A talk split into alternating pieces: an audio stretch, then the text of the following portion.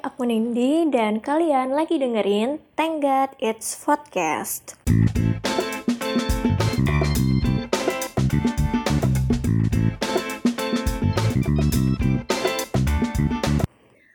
Um, podcast kali ini kayaknya aku mau agak seriusan sedikit. Jadi kalau di beberapa episode yang lalu aku ngomongnya um, banyak bercandanya dan kebanyakan nirfaedah. Yang ini kayaknya aku mau ngobrolin sesuatu hal yang bisa jadi ada faedahnya. Jadi gini, um, sekitar kurang lebih dua minggu yang lalu, aku habis operasi angkat pen, angkat plate di tangan. Kalau kita pernah mengalami patah tulang atau tulang retak, itu biasanya e, dipasang plate atau pen di dalam tulang itu untuk menyambung atau menguatkan tulang yang patah atau retak tadi. Nah, di tahun 2012 aku pernah mengalami sebuah kecelakaan yang menyebabkan pergelangan tangan kiriku itu retak. Jadi mau nggak mau aku harus mau untuk masang plat plate atau pen itu tadi di pergelangan tangan kiriku.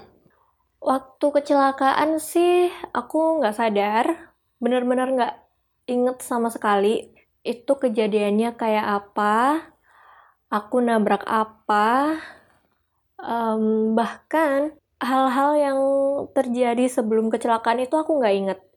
Jadi kecelakaan itu tanggal 25 September 2012. Aku inget tanggalnya karena um, itu adalah tanggal anniversary-nya salah satu teman aku. Terus um, setelah beberapa bulan dari kecelakaan itu, aku mulai sedikit demi sedikit kembali mengingat apa yang sebenarnya terjadi waktu itu. Uh, jadi kalau misalkan kalian selama ini pernah nonton film atau nonton sinetron yang menggambarkan amnesia, itu benar adanya. Jadi dulu itu aku nggak percaya kalau amnesia itu beneran ada. Kayak nggak masuk akal aja. Masa sih orang bisa tiba-tiba lupa, hilang ingatan? Nah, setelah kejadian kecelakaan itu, aku baru percaya, oh ternyata amnesia itu emang beneran ada. Kata dokter yang waktu itu menangani aku, um, ingatanku itu hilang untuk beberapa waktu. Jadi, rentang waktu sebelum, saat, dan sesudah kecelakaan itu aku nggak inget sama sekali. Itu akibat gegar otak ringan. Oke, jadi sudah kecelakaan, akhirnya aku harus pasang pen. Tangan kiriku uh, terpaksa harus digendong untuk beberapa bulan. Dan aku ke mana-mana juga akhirnya harus menggantungkan orang lain. Sampai tanganku sudah mulai bisa bergerak bebas. Nah, dua minggu yang lalu itu, setelah lima tahun lebih lamanya aku nggak um, ambil pennya, aku memutuskan untuk ya udahlah, uh, aku angkat pen aja. Dan karena udah mulai terasa agak-agak nyeri, udah ada setrum-setrum ketika aku nggak ngapa-ngapain bahkan, tapi kayak ada rasa nyetrumnya gitu. Dan aku mulai nggak nyaman dengan itu, akhirnya aku memutuskan ya udah diangkat aja pennya biar aku juga nggak ngerasain sakit lagi. Maka diangkatlah pen itu dan aku masuk ruang operasi dua minggu yang lalu. Aku lupa tanggal berapa. Aku pikir angkat pen itu lebih nggak menyusahkan atau lebih nggak ribet daripada pasang pen. Karena waktu masang pen dulu, waktu aku pertama kali operasi karena kecelakaan itu, nggak ada rasa sakit sama sekali ketika aku keluar dari ruang operasi. Jadi setelah dioperasi kan dibius tuh, dibius total. Aku masuk ruang operasi. Ketika aku akhirnya siuman, aku sadar aku nggak merasakan kesakitan atau nyeri-nyeri yang berarti di tangan kiri aku. Aku mikirnya kalau masang pen aja nggak um, segitu sakit, berarti ambilnya juga nggak dong. Karena waktu aku dirawat di rumah sakit karena kecelakaan itu, aku masuk hari Selasa. Hari Rabunya aku operasi, hari Jumatnya aku udah boleh pulang. Dan itu aku langsung ke kampus untuk menghadiri acara farewell party jurusan. Setelah itu, setelah melalui pengalamanku sebelumnya, aku mikir, um, berarti ini kalau misalkan angkat pen, harusnya nggak lebih sakit daripada waktu masang. Dan aku bisa besoknya langsung kuliah lagi.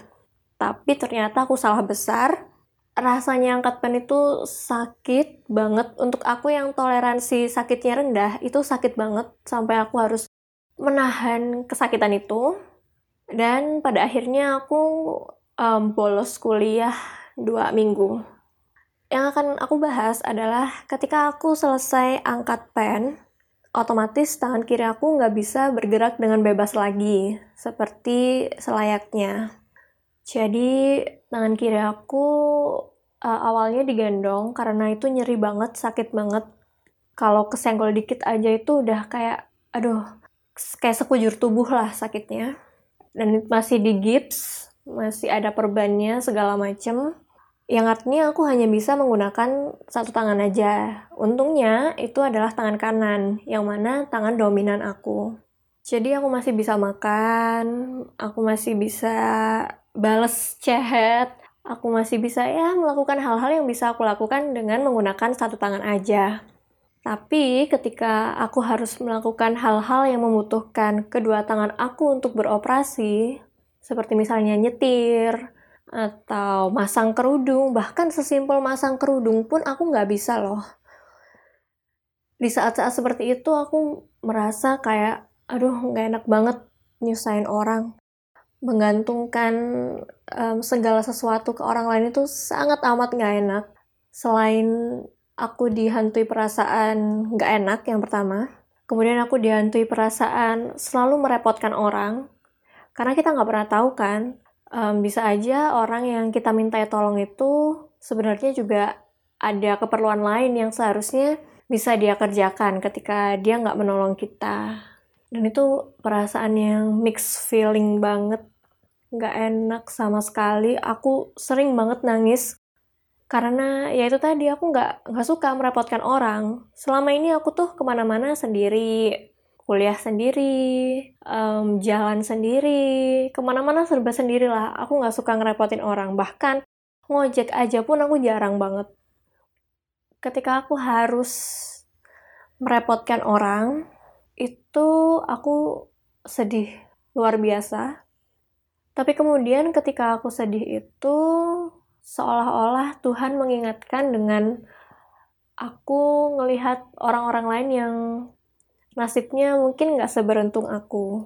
Jadi setelah operasi itu kan kita masih, uh, aku harus kontrol-kontrol lagi, masih harus ke poli ortopedi, masih harus ketemu dokter dan harus ke rumah sakit. Saat di rumah sakit itu, waktu aku lagi ngantre nunggu giliran, aku banyak sekali melihat orang-orang yang ada yang kakinya diamputasi, ada yang harus pakai kursi roda, ada yang harus pakai bantuan apa sih namanya yang kayak um, tongkat kayu dua itu yang dibawa-bawa yaitu itu aku kayak ngerasa dicubit kayak merasa aduh kamu tuh nggak bersyukur banget sih masa kayak dikasih gitu aja udah ngeluh udah nangis tapi di lain sisi aku merasa kok aku kayaknya sombong banget ya. Gini loh, aku tuh bimbang karena kalau aku bersyukur, misal, misal, misal aku ngelihat um, seorang anak yang uh, kakinya diamputasi, lalu kemudian aku secara tanpa nggak sadar aku berkata alhamdulillah. Maksudku bukan bukan apa ya, bukan seolah-olah oh anak itu kakinya diamputasi alhamdulillah. Enggak enggak. Bukan aku nyukurin dia tapi aku bersyukur untuk diriku sendiri karena aku tuh masih dikasih uh, cobaan istilahnya yang enggak seberat itu. Karena tanganku ini cepat atau lambat pasti akan bisa bergerak bebas kembali seperti dahulu kala. Tapi itu tadi kenapa aku merasa ketika aku bersyukur untuk diriku sendiri aku merasa aku itu malah menjadi sombong karena secara nggak langsung aku kayak nyukurin orang itu tadi orang-orang yang nasibnya mungkin nggak lebih beruntung daripada aku itu tuh jadi kayak antara um, kalau nggak bersyukur katanya kita sombong sama nikmat Tuhan. Tapi kalau aku bersyukur, aku yang merasa sombong atas nasibku yang lebih beruntung ini. Jadi tuh aku bingung. Sebenarnya bersyukur yang seperti apa yang bisa membuatku nggak merasa bahwa aku ini sombong. Gitu. Aku pernah baca salah satu cuitan di Twitter. Um, ini cuitannya Mbah Presiden Republik Jancukers, Sujiwo Tejo. Dia pernah nge-tweet kurang lebihnya gini. Kalau kamu mengkasihani orang lain, itu sama artinya kamu sombong. Karena kamu merasa kamu lebih dari orang itu. Setelah dipikir-pikir, ada benarnya juga. Karena kalau kita ngerasa orang itu kok kasihan banget ya, itu kan berarti kita kayak, oh, aku lebih lebih beruntung nih daripada dia, dia lebih gak beruntung daripada aku. Gitu loh, aduh, gimana ya, kok muter-muter banget. Ya, tapi kalian bisa nangkep poinku kan?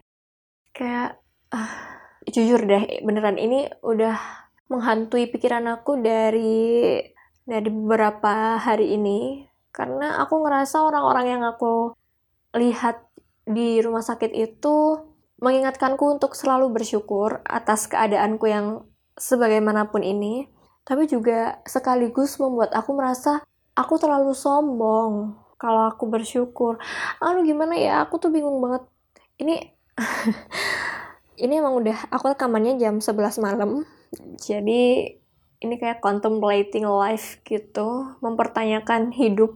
Dan di waktu ini aku mempertanyakan apakah rasa bersyukur itu merupakan suatu bentuk uh, perendahan diri kepada sang pencipta atau malah bentuk kesombongan yang lain kalau aku pribadi aku bersyukur karena masih dikasih uh, nikmat yang sedemikian rupa, masih ada orang-orang yang bersedia membantu, dan anggota tubuhku juga masih lengkap, nggak kekurangan suatu apa pun. Um, aku masih bisa makan enak, aku masih bisa merasakan kasur yang empuk, aku masih bisa berbagi cerita ini dengan kalian.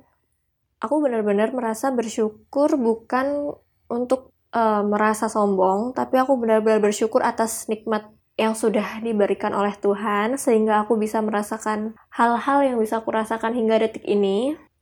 Tapi tetap aja, rasa bersalah ketika aku melihat seseorang yang nasibnya kurang uh, atau nggak sebaik aku, kemudian aku secara nggak langsung berkata Alhamdulillah, itu aku masih merasa bersalah banget.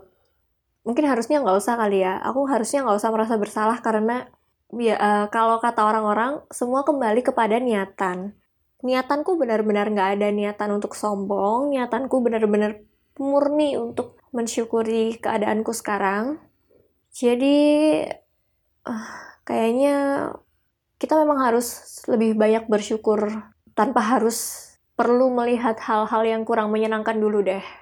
Jadi, mungkin diawali dengan um, ucapan syukur ketika kita bangun pagi masih bisa menghirup udara segar, masih bisa ketemu macet, masih bisa ketemu teman-teman kuliah atau teman-teman kantor atau keluarga. Um, jadi aku juga baru nyadar ya setelah aku rekaman podcast ini, aku baru nyadar bahwa sebenarnya aku bisa memulai atau mengurangi rasa takutku atas kesombonganku dengan mensyukuri hal-hal yang sederhana. Kayak yang itu tadi aku bilang. Gitu. Oke okay, baiklah. Wow podcast ini benar-benar nggak scripted jadi aku dari awal aku bikin podcast sampai sekarang aku memang benar-benar nggak nulis skrip karena ya um, selain susah nulisnya karena tanganku memang masih belum bisa beroperasi dua-duanya. Aku juga pengen ngetes aja sejauh apa sih aku bisa stick sama satu poin di dalam satu episode podcast. Dan ternyata surprisingly tanpa skrip aku malah menemukan insight baru dari omonganku sendiri. Ini ini um, lucu sih ya. Kayak kita kan biasanya dapat insight dari obrolan sama orang lain atau dari baca atau dengerin um, opini orang lain tapi ini malah aku dapat insight dari aku dengerin omonganku sendiri yang ngoceh nggak jelas di tengah malam ini oke baiklah kontemplasi hidupnya untuk episode podcast Thank God It's Podcast kali ini sampai sini dulu aja Semoga berfaedah, karena biasanya podcast aku cukup nirfaedah, tapi yang ini emang bener-bener contemplating banget.